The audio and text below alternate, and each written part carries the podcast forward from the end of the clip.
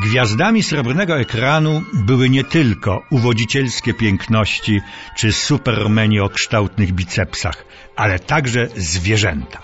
Dzielny owczarek niemiecki Rintintin, wierna i sympatyczna Lessie, czyli Coli, owczarek szkocki, nie mówiąc o naszym ludowo-żołnierskim szariku z serialu Cztery Pancerni i Pies. Ale dzisiaj cofam się w zamierzchłą przeszłość. Pierwszy film ze zwierzakiem w roli głównej powstał bowiem już w roku 1908, a więc prawie 100 lat temu. Co więcej, zrealizował go i następne pierwszy specjalista od tego typu bardzo ruchomych obrazów. Amerykanin, scenarzysta, reżyser i producent w jednej osobie Józef Delmont. Bohaterem jego pierwszego filmu był lew, który uciekł z ogrodu zoologicznego. Błąka się po ulicach miasta i zupełnie przypadkowo ratuje dziecko, które pijany ojciec usiłuje uśmiercić siekierą. No istny horror. Otóż lew wskakuje przez otwarte okno do mieszkania, gdzie ten krwawy dramat miał się rozegrać. Na widok groźnego drapieżnika pijany ojciec w mig trzeźwieje i stacza z nim heroiczną walkę. No oczywiście zwyciężając. Realizacji tego pionierskiego filmu towarzyszyły same kłopoty. Rozleniwiony lew najpierw nie chciał w ogóle wyjść z klatki. Kiedy sceny uliczne zostały pieczołowicie przygotowane, lunął deszcz, który padał bez przerwy przez trzy dni. Dekoracje mokły i wywracały się. W decydującej zaś scenie w lwa wstąpił nagle duch Boży. Aktorzy wpadli w panikę, a jednemu z nich, który ze strachu wspiął się na latarnię, lew jednym machnięciem zdarł poły marynarki oraz spodnie wraz z bielizną. A oto streszczenie następnego filmu Józefa Delmonta. Orzeł porywa trzyletnie dziecko podrzucone przez złego człowieka i zanosi do swego gniazda położonego wysoko w górach. Nieszczęśliwy ojciec dziecka błądzi po górach. Już ma się z rozpaczy rzucić w przepaść, gdy zauważa olbrzymiego orła, który trzymając w szponach dziecko wznosi się ku gniazdu.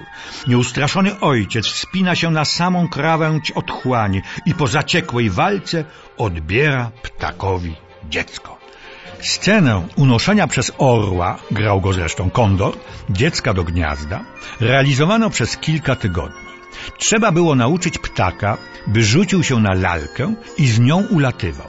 Prawdziwe dziecko usuwano z planu w ostatnim momencie.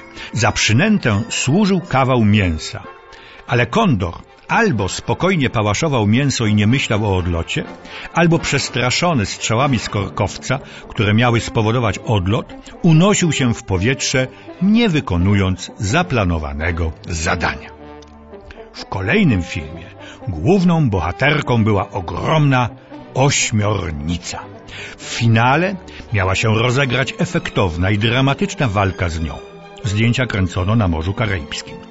Walczyć mieli dwaj murzyni, znakomici nurkowie. Jeden z nich posiadał receptę na tajemniczą maść, której nie znoszą ośmiornice. Jak twierdził, wystarczy posmarować nią ciało lub ubranie, a największe nawet głowonogi nie tkną takiego człowieka. W czasie filmowania balsam ów działał rzeczywiście bez zarzutu. Odstraszał zresztą również ludzi. Zdenerwował jednak główną ośmiornicę, która zaatakowała łódź, na której znajdowała się ekipa filmowa. Oto jak opisał tę krew w żyłach mrożącą scenę naoczny świadek. Dwoma ramionami ośmiornica uczepiła się burt. Pozostałe zaś wiły się w łódce jak węże, szukając ofiar. Dwaj ludzie zostali schwytani. Puszczono w ruch noże i siekiery.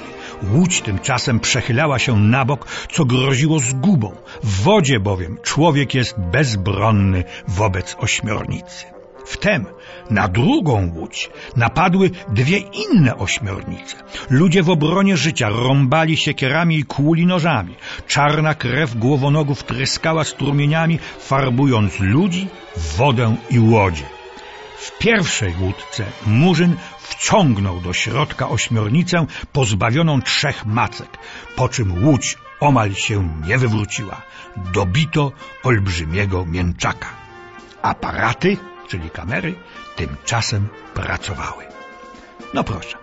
A dzisiaj specjaliści siadają do komputera i produkują jeszcze krwawsze sceny. Tylko, czy współcześni widzowie krzyczą podczas seansu z przerażenia, tak jak to czynili ich dziadkowie, pradziadkowie, kiedy lew wskakiwał przez okno, kondor porywał dziecko, a ośmiornice atakowały, tym razem naprawdę mdlejących ze strachu ludzi?